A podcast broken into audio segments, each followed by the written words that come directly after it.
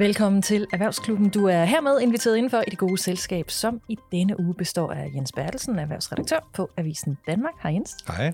Og så har vi også dig, Henrik Ørholst, erhvervskommentator, forfatter, katteelsker, alt muligt andet. Hej med dig. Hej. Det er jo godt en uh, måneds tid siden, at du stod her sidst. Uh, dengang, der var du iført en Lidl julesvætter. Den var vi vilde med, og vi, vi snakkede også en hel del om det. I dag bliver du i genren, fordi øh, det er godt nok ikke en lille sweater, der pryder dig. Det er, det er en anden sweater. Kan du lige forklare, hvad er historien med den? Jamen, det er en øh, sweater fra, fra Netto, som jeg fik øh, tilfældt øh, fra Brag Bakir, den administrerende direktør øh, for, øh, for Netto. Og det er jo lidt sjovt, ikke? Fordi jeg lagde et billede ud på LinkedIn, hvor jeg stod i den der Little sweater, og det gav mig sådan en hilsen fra Per Bank, der administrerende direktør for Salling, at øh, det var jo chokerende at se mig med en øh, Little bluse men, men den gule farve, var dog rigtigt. Og så gik der et, et par uger, så fik jeg den her tilsendelse med posten fra den administrerende direktør for, for Netto. Og øh, dermed så er jeg jo sådan en influencer, og så jeg skal deklarere, at jeg har fået den gratis, det har jeg. Og jeg glæder mig til at gå med, med mine tre julesvætre øh, sådan op gennem december måned, fordi jeg synes faktisk, det, det er en rigtig sjov idé, og nu er det jo også sådan, at jeg er meget glad for jul, altså jeg elsker den gode gammeldags analog jul på, på godt og på ondt, ikke? Og der er sådan et eller andet øh, sjovt øh, kikset på den, på den rigtige façon med de her julebluser der i øvrigt en trend, der kommer fra Storbritannien, hvor man øh, har startet det for år tilbage, hvor man også nogle gange har de der ugly sweater kontekst, øh, hvor man øh, skal øh, konkurrere om, hvem der har den grimmeste julesweater. Og enhver, der har set Bridget Jones øh, omkring juletid, kan huske de der sweatre der med rensdyr og alt muligt der. Så jo, det er sådan en slags kikset uh, trend, som også Netto byder ind på nu. Og der er jo det med Selling Group, man, man kalder dem jo samtidig Danmarks mester i købmandskaber. De kan altid lige finde en to kroner øh, her eller der. Hvad er det lige, de har gjort med den trøje her, hvis du vender dig rundt? Det kan man jo ikke høre, men, men de har fundet en to kroner, tror jeg. Jamen det har de, fordi at øh, hvis vi kigger på, på sweateren, så har de jo faktisk kun mønstret på forsiden. På bagsiden der er den kun netto gul. uh, så det er sådan lidt, at uh, man skal helst holde sig uh, sådan i, i front, uh, fordi det ser lidt kiks ud. Til gengæld så er der lys i. Ja, jeg skulle lige til at sige det. Den har altså kan, en anden gimmick gimmick, som ja, også er fed. ja, det er en rigtig sjov uh, gimmick med, med, med det her lys, uh, og nu er det jo radio, så der kan man ikke se, at den, den blinker lige nu. Ej, men, men jeg men... synes, vi skal gøre ligesom sidst. Vi tager et uh, billede, vi lægger det op på vores uh, LinkedIn-profil, på Erhvervsklubbens uh, LinkedIn-profil, så kan folk gå ind og, ind og tjekke det der. Så må vi se, om vi kan få de der lys med, fordi nisseugerne, det lyser lige så fint lige nu.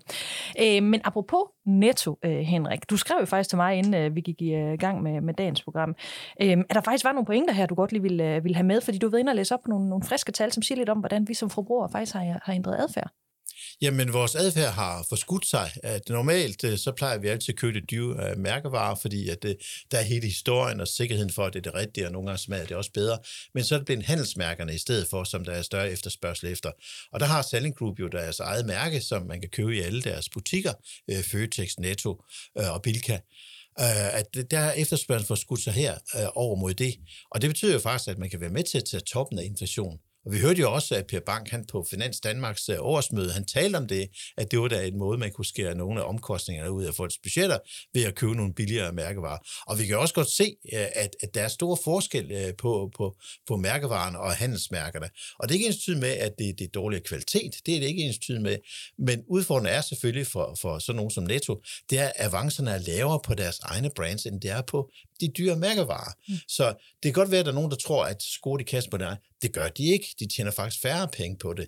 Og det er også derfor, at udsigten til Selling Group, at de kommer med et endnu et rekordresultat, som de gjorde sidste år, det tror jeg ikke rigtigt på. At alt tyder på, at de kommer et dårligere resultat for 2022, og det samme vil også ske for Coop.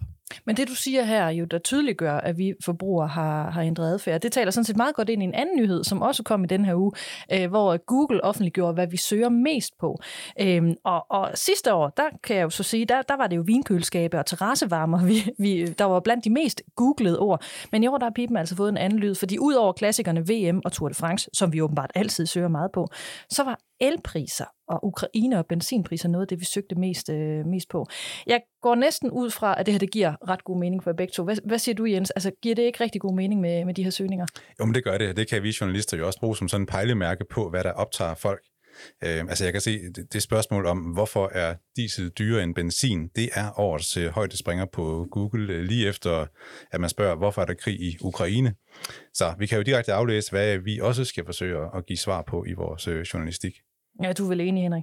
Jeg er fuldstændig enig, fordi det, der er ved at ske med os som danskere, det er, at vi bliver mere sparsommelige og begynder at udvise ordentlig adfærd og i vores private økonomi. Og det er også derfor, det, det er pudsigt at tænke sig, at i 1941, der kom der en bog fra Gyldendal, det hed Hjemmenes Sparebog. Og jeg, jeg arvede faktisk min fars eksemplar, som han havde fra min oldemor. Den er fra 1941. Og den har Gyldendal netop udsendt i en ny udgave, hvor de har taget nogle uddrag fra den. Det er faktisk en rigtig sjov gave det. Og der er gode husmorråd, hvordan man kan spare. Altså blandt andet sådan noget med, at man skal huske at putte en, en skraldkartoffel ned i, i brødkurven, fordi så holder det sig længere fugtigt. Øh, og sådan nogle ting med, for eksempel, man skal huske at, huske at putte smør på endeskiven af osten, fordi så holder det længere. Sådan en masse gode God, gammeldags råd der. Det vidste jeg ikke. Nej, men det, det vidste jeg heller ikke indtil jeg læste det, og når man skal lave brændeknuder, så kan man, skal man slå knuder på aviser og sådan nogle ting, så, så holder det meget længere. Der er en masse gode råd der. Den er faktisk rigtig underholdende. Især 1941-bogen. Den, den nye udgave for Gyldendal er også rigtig sjov. Okay, der er noget til, til ønskelisten der. Kan, kan I huske, om I sidste år googlede de her meget populære ord, terrassevarmer og hvad hedder det, det, og vinkøleskab. Var nogen af jer, der gjorde det? Jeg har helt sikkert øh, søgt efter et, et vinkøleskab, men jeg fik aldrig købt det, og det kan jeg så glæde mig over nu, at jeg skal bare ned i en kølig kælder og hente min vin. jeg, jeg må indrømme, at jeg, jeg googler ikke sådan nogle ting, men jeg bruger tit uh, en ting, som Google har, nemlig Google Trends, uh, for at finde ud af, hvilke ting, der er populære i forskellige lande, og også herhjemme. Og det er faktisk en rigtig sjov ting at se. Uh, for eksempel at se recession. Altså man kan jo se, mm. når ordet recession det bliver brugt meget i avisartikler, og der bliver googlet meget, så det udtryk, hvor så kommer recession. Mm. Og det er også derfor, at Economist for år tilbage, de lavede noget, det er kaldt et R-indeks. Og det brugte det som indikation for, om øh, recessionen var på vej. Og det følges stort set med recessionen. Så øh, lige nu, øh, så bliver der googlet rigtig meget af recession. Vi behøver så, slet ikke ringe til nogen af alle vores økonomiske eksperter her. Vi kan bare gå ind og google på Google Trends. Det er lige før, ja. Vi skal i gang med dagens program, som jo bliver optaget en torsdag, hvor der er landet nye tal på boligmarkedet, og det er det, vi tager hold på at tale om nu. Henrik, du har haft tid i din uh, togtur uh, herover til at sidde og kigge lidt uh, på, hvad, hvad de nyeste tal for boligmarkedet egentlig viser. Kan du ikke løbe os igennem det sådan bare i grove træk? Ja, meget groft, så viser det nye fald på boligmarkedet, og de bliver ved med at falde. Og det er the usual suspects, det er de store byer, der kommer til at føre an, ejerlejligheden, der falder. Og det er faktisk en global tendens, som vi ser over hele verden, at boligmarkederne de har det svært lige nu. Og det er jo klart nok, når, når renten stiger, så bliver det dyrere på et bolig, og det sætter sig i priserne. Og jeg kan også se, der hvor jeg bor, på Østerbro i København, den ejendomsmaler, der, der solgte de fleste øh, lejligheder i det område, hvor jeg bor, øh, er gået konkurs for en måned siden. Så det rammer virkelig hårdt øh, på ejendomsmarkedet. Og jeg hører også ejendomsmælere, der lukker deres butikker ned og fyrer folk øh, lige for øjeblikket.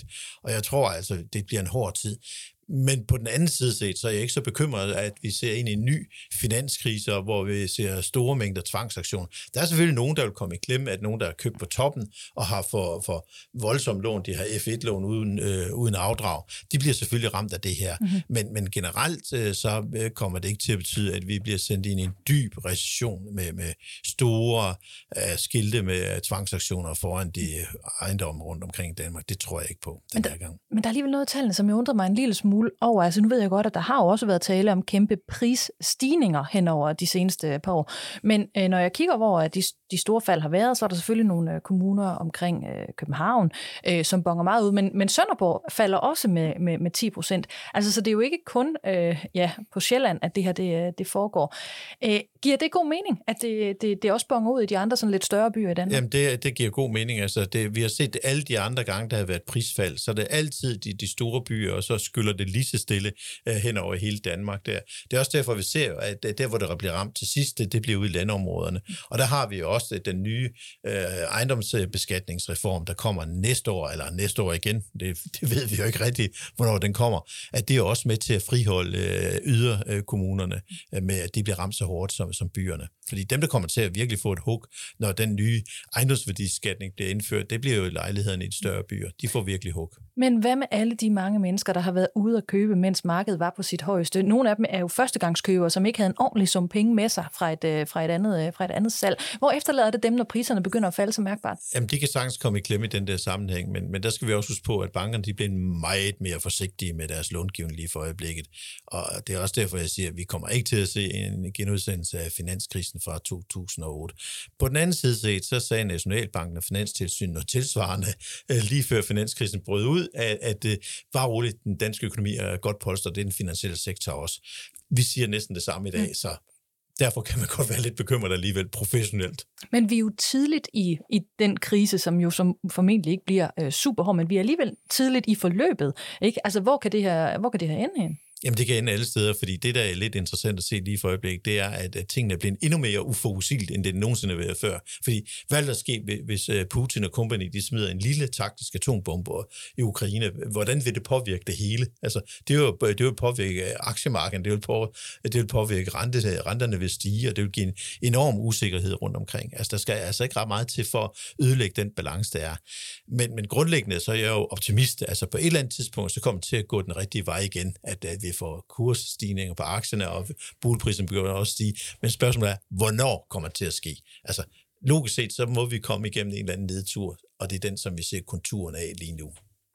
Så de fleste klarer sig igennem. Altså, der er en lille gruppe, som virkelig får det svært. Det er vel dem, som skal skilles, eller har fået job i et andet ende af landet, og de købte hus øh, sidste år og skal af med det i en fart i, i, igen. Ja, men, men dem, vi vil være mest fokuseret på, det vil være dem, der mister deres job. Uh, fordi det, det er der, at, at det, det virkelig begynder at gøre ondt, og det er der, tabene kommer i den finansielle sektor.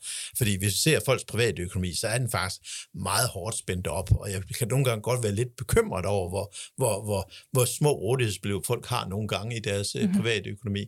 Og hvis man så uh, taber en indkomst der, så kan det godt være svært at finde en ny indkomst der relativt hurtigt, og det er der tvangsaktionerne ligger og lurer.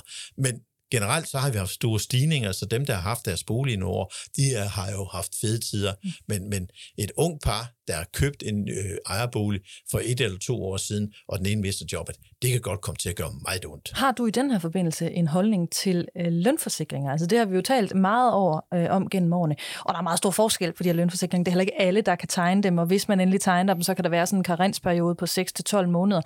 Hvad tænker du, altså for sådan nogen, som er så hårdt spændt for, vil det alligevel være noget, man skulle overveje?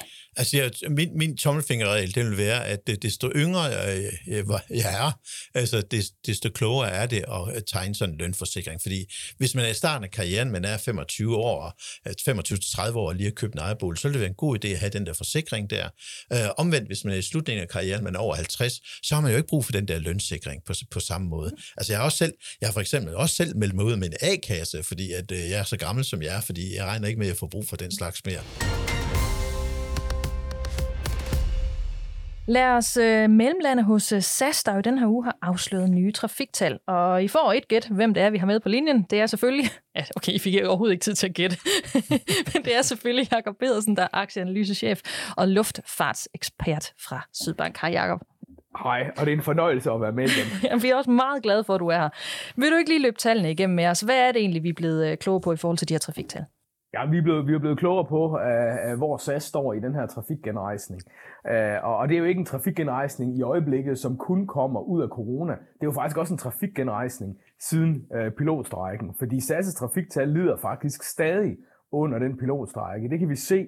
Uh, uh, uh, indtægterne er stadigvæk ikke helt tilbage på samme niveau, som de, som de havde øh, da der var pilot, eller før, forud for pilotstrækken, øh, og det er passagerantallene heller ikke. Så, så tingene står i og for sig i stampe øh, fra, fra oktober til november i, øh, øh i SAS' tal, og nu er man altså på vej ind i lavsæsonen, og det gør jo ikke, at tingene de, øh, de sådan kommer til at se bedre ud. Jeg stussede over i din øh, aktiekommentar, som du har udgivet øh, i forhold til SAS, at de er blevet mindre gennemsigtige med deres tal. Altså, hvordan er de det?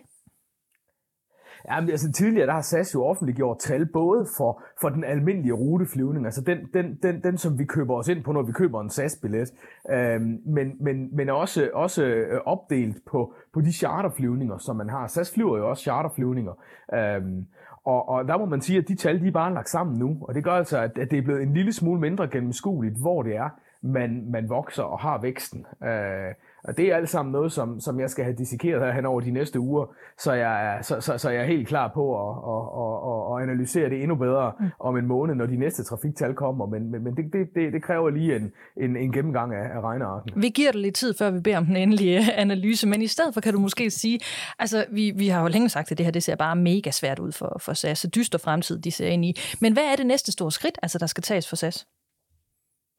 Ja, det næste store skridt er jo stadigvæk det, der foregår øh, i, øh, i Chapter 11-processen. Altså det, alt, al det arbejde, man har med at, at, at, at udfolde den her strategiplan, der hedder SAS Forward. Øh, og det handler jo om blandt andet at få forhandlet nye aftaler med det danske og det svenske kabinepersonale. Man har jo forhandlet en ny aftale hjem med det norske. Den overenskomst var udløbet, og man var i og for sig i risikozonen for, at der kunne komme en strække her hen over julen. Det afværgede man, og de norske kabineansatte de fik mere i løn. Øhm, øh, det, det var egentlig noget anderledes, end, end hvad jeg sådan lige havde forestillet mig. Men SAS er i en svær situation. Man skal ud og ansætte masser af, af mennesker til, øh, øh til næste år for at, kunne, øh, for at kunne flyve mere. Og i, i det miljø, der har man, øh, der har man svært ved at, at sænke, sænke lønningerne, særligt fordi lønningerne stiger ret markant øh, hos, hos nogle af konkurrenterne, blandt andet i Lufthansa, hvor, hvor en, en kabineansat på startløn får 17% mere her hen over 23, end vedkommende har fået i 22. Øh, så, så, øhm, øh, så, så, så SAS er presset, og man mangler så de danske og de svenske kabineansatte, øh, og så mangler man jo at få forhandlet gælden ned, man, handler, man mangler også at få penge i kassen, inden man endelig kan afslutte den her, øh, øh hvad hedder det, øh, Chapter 11-proces. Altså din selvanbefaling på aktien, den har jo ikke ændret sig, men har din, altså den, og det fremgår jo af, Sydbanks hjemmeside, men har din øh, optimisme i forhold til, hvorvidt det her det ser ud til at lykkes for SAS, har det, har det ændret sig bare en lille smule? Nej, men, men, men, men, det er jo, det, men, men, men det er jo i og for sig ikke negativt, fordi jeg har en forventning om, at SAS når i mål med det her. Jeg, jeg synes egentlig, at man, har, at man er over de største, øh, man har fået ryddet de største sten af vejen her. Særligt, særligt leasingselskaberne, det at få dem banket på plads, det, øh, det, det, det, det ser ud som om, at det lykkes. Jeg regner også med, at man kommer på plads på, øh, på gældssiden, så man kan få gælden bragt ned. Så jeg regner egentlig med, at man, får, at man lykkes med at, at, at gennemføre sig forward og få sparet en masse penge, øh, og få gælden bragt ned og få nye penge i kassen. Men spørgsmålet er bare, er det så nok til at skabe et flyselskab, der for alvor står stærkt i fremtiden. Og, og, og, og i og med, at, at SAS Forward og alle de besparelser, de først sådan rigtig bliver synlige, når man når tilbage på et trafikniveau, der matcher det, man havde inden corona. Det gør altså, at, at vi er nødt til at skal se SAS' trafik øh, blive meget bedre, end den er i øjeblikket. Og, og, og, og det har lange udsigter, og SAS er presset i konkurrencen. Og, og spørgsmålet er, hvordan man vil, man vil vinde markedsandele tilbage, både inden for de fritidsrejsende og inden for de, øh, for de erhvervsrejsende. Det er hårdt arbejde for SAS. Jeg tror, man når i mål med planen, men jeg er ikke overbevist om, at, at, at det i og for sig er nok til at få lidt stærkt indtjeningspotentiale ud i selskabet.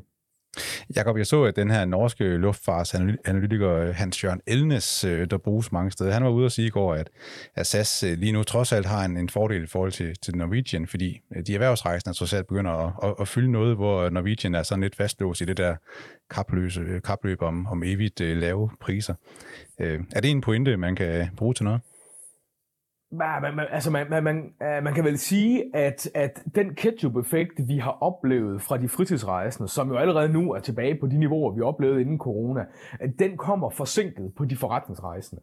Uh, og, og det er selvfølgelig positivt for SAS, fordi man, man har flere forretningsrejsende hos SAS. Men, men, men virkeligheden er jo også, og det kan vi også høre, når vi hører, hvad, hvad eksempelvis Norwegian siger, det er faktisk, at, at, at, at de oplever at vinde markedsandel øh, på de forretningsrejsende. Og, og, og de indikerer, uden sådan at sige det højt, indikerer i hvert fald, at det nok blandt andet er fra SAS.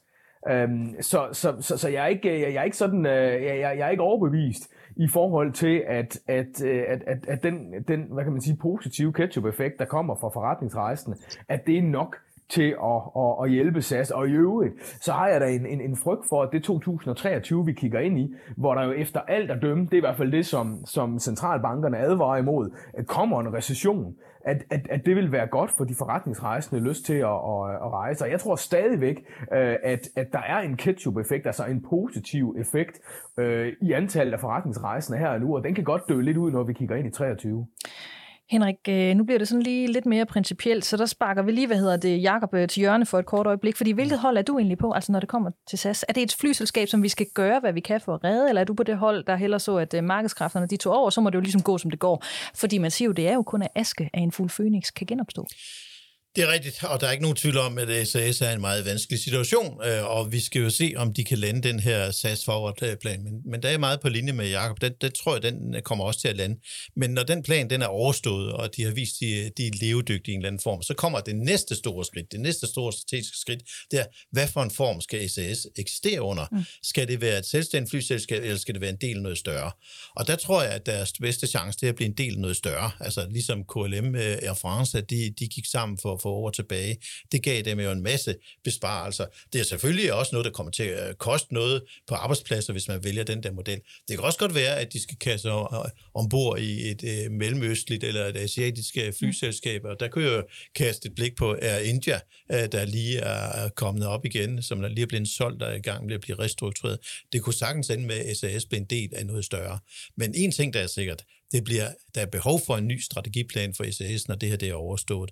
Og der, hvor det store slag skal slås, det bliver slaget om Atlanten, fordi det er der, den nye, øh, skal vi sige, det nye rejsemål kommer til at ligge i stort omfang. Jeg bemærker også i forbindelse med, med, med, med tallene, der kom for nyligt, at øh, SAS øh, de har begyndt at fordoble deres kapacitet på New York, hvor de også begyndt, kun, i stedet for at kun flyve til New York, så begyndte de også at flyve på JFK. Men det bliver også lidt svært, fordi jeg så lige her øh, et øh, islandsk flyselskab, der hedder Play, at der kan man komme fra København til New York for kun 1974 kroner tur-retur. Så skal man betale lidt for sæderne, det er 75 kroner, så det kryger lige over 2.000 kroner. Ja, det er billigt. Så, så det er meget billigt. Så det, det er slaget om Atlanten, der, der bliver helt afgørende her. Men SAS største chance, det er at blive en del af noget større. Øh, Jakob, det her scenarie, som Henrik taler om, altså om at blive en del af noget større, ser du også det for dig? Det er meget muligt. Vi har talt om det i de uh, små 20 år, jeg har været, været uh, analytiker på, uh, på SAS og dækket luftfart.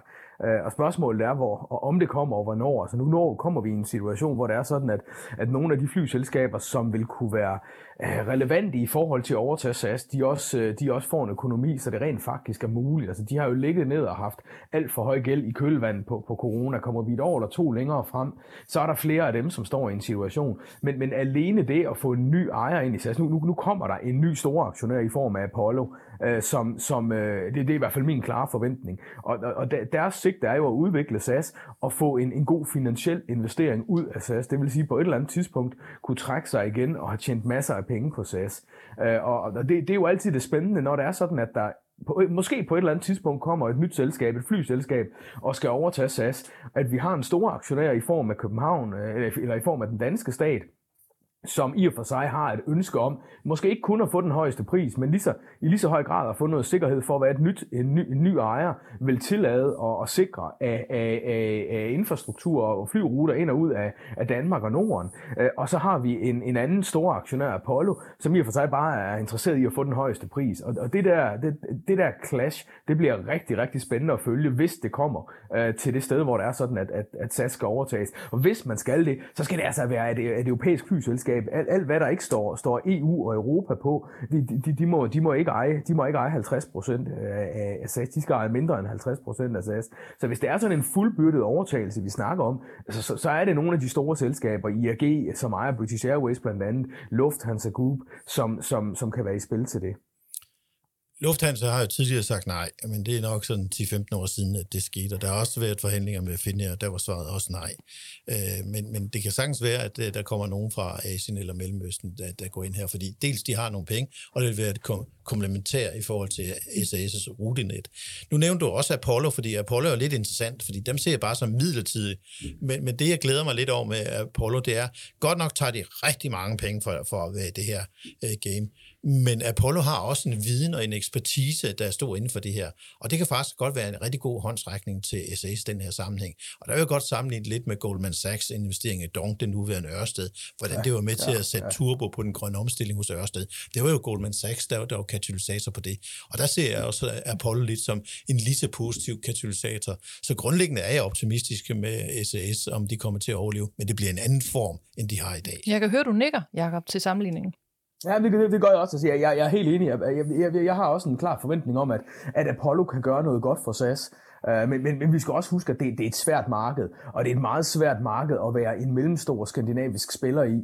Øh, øh, øh derfor er der, er, der, er der grænser for, hvad, hvad, nu kan man sige Goldman Sachs, jeg er helt enig, de gjorde også en masse godt for Dong, der blev til Ørsted, øh, men, men det var også i et marked, hvor de var førerhund, og hvor det var sådan, at, at de skulle udvikle sig til, til at blive ved med at være førerhund.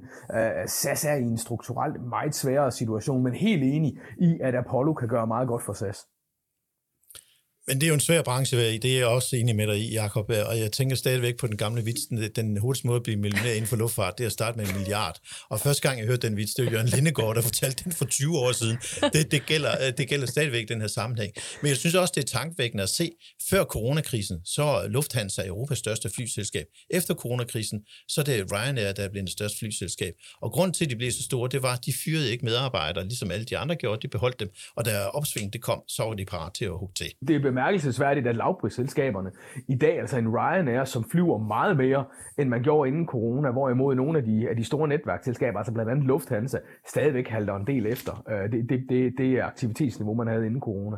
Så, så der bliver rykket nogle markedsandele, og det er Ryanair, som, som, som løber med laverbærene. Men hvad byder fremtiden på i virkeligheden for, for, for luft, luftfarten? Altså du, jeg ved, du har, du har kigget på en, på en ny rapport, der er udkommet, Jacob. Ja, det, ja, det har jeg. Jeg har øh, til den her store internationale luftfartsorganisation øhm, øh, har udgivet en rapport, hvor man, hvor man øh, gør, gør op øh, med, med, med, med tiden efter corona og konstaterer, at 2022 bliver præget af, af, af også af, af en selig underskud i, i luftfartsindustrien, men hvor man også regner med, at, øh, at, øh, at, at industrien som helhed kommer til at tjene penge i, øh, i 2023. Og det er i og for sig lidt bemærkelsesværdigt i lyset af, at, at, at centralbankerne har lovet nærmest at vi får recession. Det plejer normalt ikke at være et miljø, hvor flyselskaberne de sådan står rigtig godt, men, men det kan godt være, at, at den her ophobede rejseløst, der er efter corona, at, at den alligevel kan gøre, at, at ferien den, den ligesom bliver, bliver en, en, en helle, og at det er det, vi kommer til at prioritere snarere end gamingkonsoller og, og, og fladskærme og, og byggematerialer. Det har vi købt nok af under, under corona, så flyselskaberne alligevel kommer ud med, med, med, med skin på næsen. Jeg kan godt frygte lidt for, at, øh, at, at den i øjeblikket stærke situation, flyselskaberne ser også på billetpriserne mange steder i Europa, at, at det er noget, som, som fortager sig i takt med, at 2023 øh, øh, ja, øh, udspænder sig, og, og, og vi ser, at forbrugerne bliver stadig mere mast af de her høje inflationsniveau om 10 år, så tror jeg stadigvæk, at vi kan bruge den gamle vits med den hurtigste måde med at blive millionær inden at starte med en milliard. Den tror jeg stadigvæk gælder. Men, men det, der også er farligt inden for luftfart, det er, at man har en øh, ekstrem eksplosiv og farlig cocktail, der består af nationale flyselskab på den ene side, og så kommersielle flyselskaber, eller Ryanair. Men så har vi også en masse lykkeridere, der hele tiden kommer ind. Øh, og vi så jo også dengang Bjørn Kjos, han knækkede hals på Norwegian, øh, så skulle han starte på noget nyt. Hvad starter et flyselskab igen? Ikke? de bliver aldrig træt af det der luftfart. De bliver aldrig træt af altid. Nej, det gør de ikke. Det er nogle, det, det, der, der er rigtig mange gode penge, der jagter dårlige i den her, i den her industri. Det, Jamen, er, det er jeg enig i. Det er helt vanvittigt på en måde. Og en anden mand, der heller aldrig bliver træt af luftfart. Øh, sådan hører jeg det i hvert fald. Det er jo dig, Jakob Pedersen, aktieanalysechef, luftfartsekspert fra Sydbank. Tusind tak, fordi du endnu en gang var med i Erhvervsklubben. Ja, velbekomme. Vi øh, videre til en nyhed, der landede onsdag. Saxo Bank vil nemlig alligevel ikke børsnoteres. Jens, øh, tag os lige igennem det her. Hvad er forhistorien? Altså, Saxo Bank, det, det er jo en meget stor virksomhed efterhånden med over 2.000 ansatte. De brugte deres øh, 30-års fødselsdag i september til at annoncere, at nu ville de øh, børsnoteres. Og det skulle ske ved at fusionere Saxo Bank ind i et uh, selskab, der allerede er på børsen, øh, men ikke, er, ikke har nogen aktiviteter, det man sådan kalder for en, en børsskal. Og dengang der satte de på, at hele banken ville få en, en børsværdi på, på 15 milliarder kroner, så det var sådan et ret anseligt beløb. Men, men hvorfor er det så, at de ikke vil børsnotere alligevel? Jamen det kom sådan meget nøgternt onsdag, at øh, nu har de tænkt over tingene, altså siden øh, september, og er nået frem til, at timingen ikke er optimal, som, som de siger. Øh, de snakker om udfordrende markedsvilkår, som gør, at de sådan i hvert fald indtil videre dropper de her øh, børsplaner. Øh, og det virker jo måske ikke super professionelt, men øh, det ligner jo, at de i virkeligheden bare gerne vil have en masse opmærksomhed øh, omkring den der fødselsdag dengang. For hvis man tror, det sådan er mega dyrt at afblæse en, en børsnotering, så viser det sig, at øh, de var slet ikke nået øh, så langt. Øh, de havde bare lavet noget, som så hedder et non-binding letter of intent to explore. Ja. Altså med andre ord, de har sådan set øh, bare snakket løst med deres aktionærer om, at, øh, at de, de godt kunne tænke sig at, at komme på børsen. Øh, og de her aktionærer, det er jo så øh, Kim Fournet, øh, direktøren og medstifteren, og så en kinesisk koncern, der hedder Geely, og så et øh, finsk øh, finanshus, der hedder Sampo. Øh, så er der Lars Seier Christensen, som rigtig mange jo kender, som den anden medstifter af, af Saxo Bank, men han er jo for længst ude af, af ejerkredsen. Jamen, jeg synes også, det er en lille smule pusseløjeligt, når man tænker på, at det her det var i september, fordi på det tidspunkt, så, så sagde alle eksperter, også dem, øh, Saxo Bank selv har, altså det er det her marked, der venter, det er det her, vi ser ind i, og så lige pludselig så er det helt ændret sig, sådan, så de ikke kan få det til at hænge sammen alligevel. Henrik, hvad tænker du om de her argumenter? Giver det mening for dig? Jamen, det giver meget mening, fordi der er jo ikke nogen tvivl om, at øh, det er en anden tid øh, her i, i det her efterår. Det er sgu et øh, koldt øh, finansielt efterår, som vi kigger ind. Så, så jeg synes faktisk, det er en logisk beslutning, de har taget her.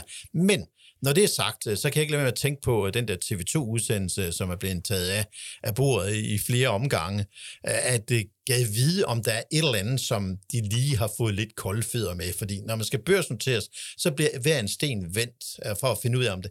Og man kan godt stille sig spørgsmål, hvad er det for noget, det her? Og vi ser jo også, at der er nogle investorer, det stod der i hvert fald i en af aviserne her forleden dag, at der er været usikre på, hvad er deres forretningsmodel? Ikke? Fordi den, den, har, den er sådan bøllet frem og tilbage i medierne flere omgange. Hvad er det egentlig, Saxo Bank tilbyder? Fordi er det en bank, eller er det bare en handelsplatform?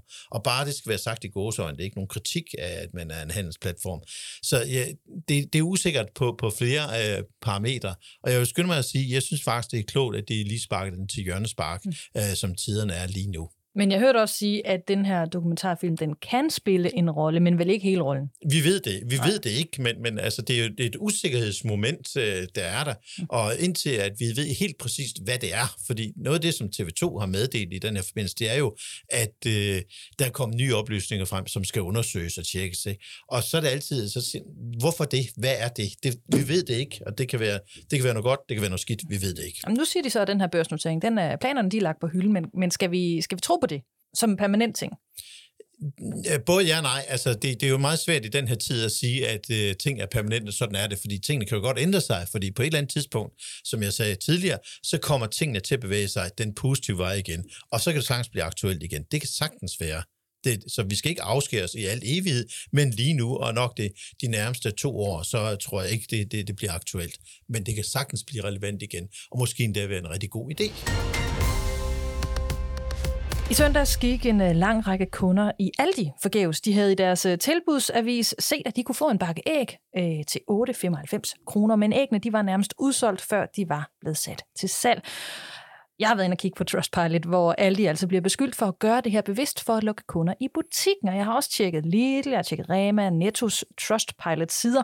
Øhm, og for Lidl og Netto, der er der alene i den sidste måned faktisk også en portion af, pæn portion af utilfredse kunder, der oplever, at de har annonceret varer, de er udsolgt meget tidligt.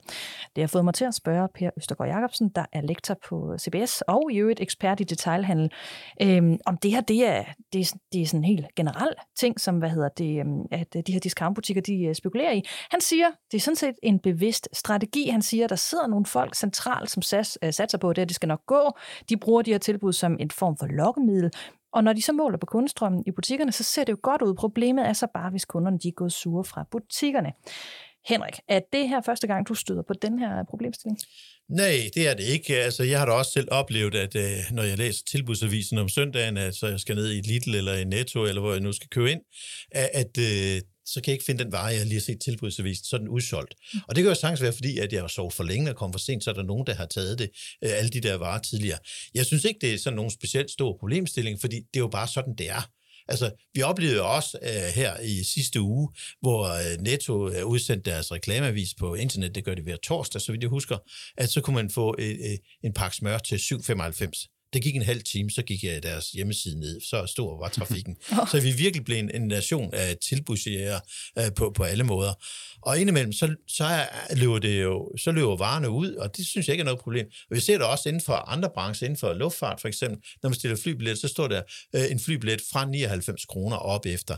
Men det vi ikke ved, vi ved jo ikke, hvor mange billetter, der er lige præcis den der kategori, og der er altså rigtig mange kategorier, når man bestiller en flybillet. Jeg tror, jeg har hørt, der er helt op til 20 forskellige kategorier, og der starter man selvfølgelig med den billigste, og så kører man op, og det er også derfor, vi kan jo se, det så tættere man kommer på afrejstidspunkt, så stiger flybilletten i pris, logisk nok. Men vi ser også, der er også nogen, der gør det, de reklamerer øh, i tilbudsavis. Det gør Power for eksempel, ikke? så står der kun øh, 10 stykker i hver, hver øh, supermarked eller hver stormagasin. Det er jo meget logisk at gøre det. Så jeg synes, det er sådan lidt en storm i et glas vand, der er på niveau med de der kælervaser, der var for nogle år siden. Jo, men de er jo faktisk også forpligtet til lige præcis det, du siger der. Fordi hvis der er et begrænset antal, og det er vel at mærke en annonceret vare, så i forhold til markedsføringsloven, nu talte jeg nemlig lige med Forbrugerrådet Tænk øh, i, øh, i går om sagen, så skal man faktisk gøre opmærksom på, at der er et begrænset antal, eller at det er en spotvare. Altså noget, der tydeligt gør det her. Og lige i forbindelse med, med alt det så, så har de sådan set ikke, øh, ikke øh, gjort det. Men der er jo også, som du er inde på, noget strukturelt, altså i det her, ikke? Også, som, som gør det svært for, for butikkerne, fordi Per Østergaard Jacobsen, han siger, at en del af det her bøvl jo blandt andet skyldes af kæder som Aldi og Lidl og Netto. De, de bliver styret centralt fra. Altså der sidder nogen uden kendskab til de enkelte butikker. De planlægger oftest otte uger i forvejen, øh, hvilke varer de skal have, hvor mange og, og så videre. Så der er jo sådan set også mange ting, der kan gå galt, altså også i forhold til distribution. Men er kritikken gjort med det? Jamen, det er jo så meget klassisk udbud og efterspørgsel, det her, fordi hvis Aldi er den eneste kæde, som tilbyder 64% rabat på æg en søndag i december, og, og der var ikke andre, der havde så skarpe priser på det tidspunkt, jamen, så ved de da bare, at de får et stormløb af, af kunder i butikken.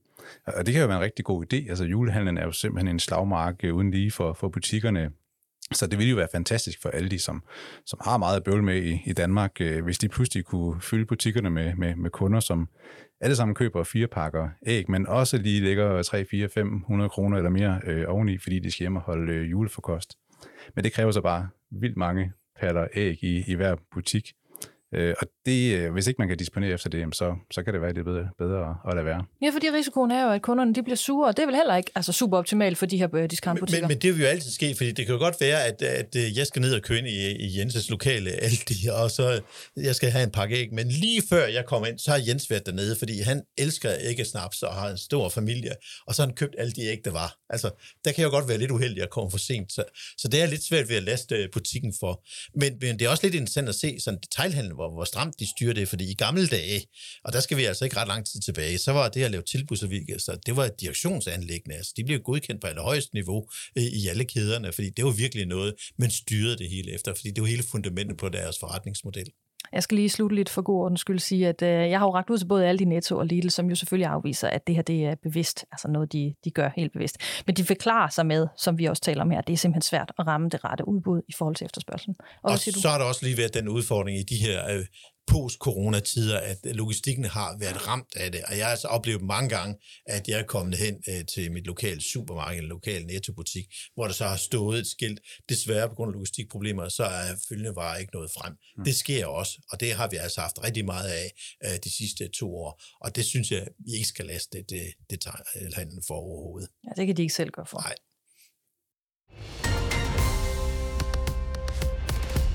Vi iler fra billige æg i Aldi videre til det sidste, vi skal tale om i dagens øh, program. Henrik, du har budt ind med mange ting, som du faktisk gerne vil snakke om øh, i dag, og heldigvis for det, fordi en af tingene er jo også den her, hvor øh, vi på lørdag får, ja, der skal Nobelpriserne uddeles i Stockholm, og for første gang i 25 år, så har Danmark modtaget en Nobelpris. Og for dem, der lige har glemt det, hvad er det så egentlig, vi har modtaget en øh, Nobelpris for? Jamen, det er inden for kemi, og det er noget med klikmolekyler, øh, at vi kan sammensætte dem. Der er der en professor fra Københavns Universitet, der har udviklet det. Han har godt nok ikke fået det som en solopris, han har fået den sammen med en amerikansk forsker. Men det er rigtig dejligt, at vi er kommet tilbage på det, fordi det er alt for mange år siden, Danmark sidst har fået en øh, Nobelpris øh, i noget. Danmark har gjort rigtig meget inden for Nobelpriser. Vi har en, en fornem tradition med det, blandt andet med, Niels Bohr og hans søn Åbo, der tidligere har fået det. Så det er rigtig dejligt, at vi nu er tilbage med, med Nobelpris pris, som vi ganske vist må dele med, med en amerikaner, men, men vi er på sejrskammen.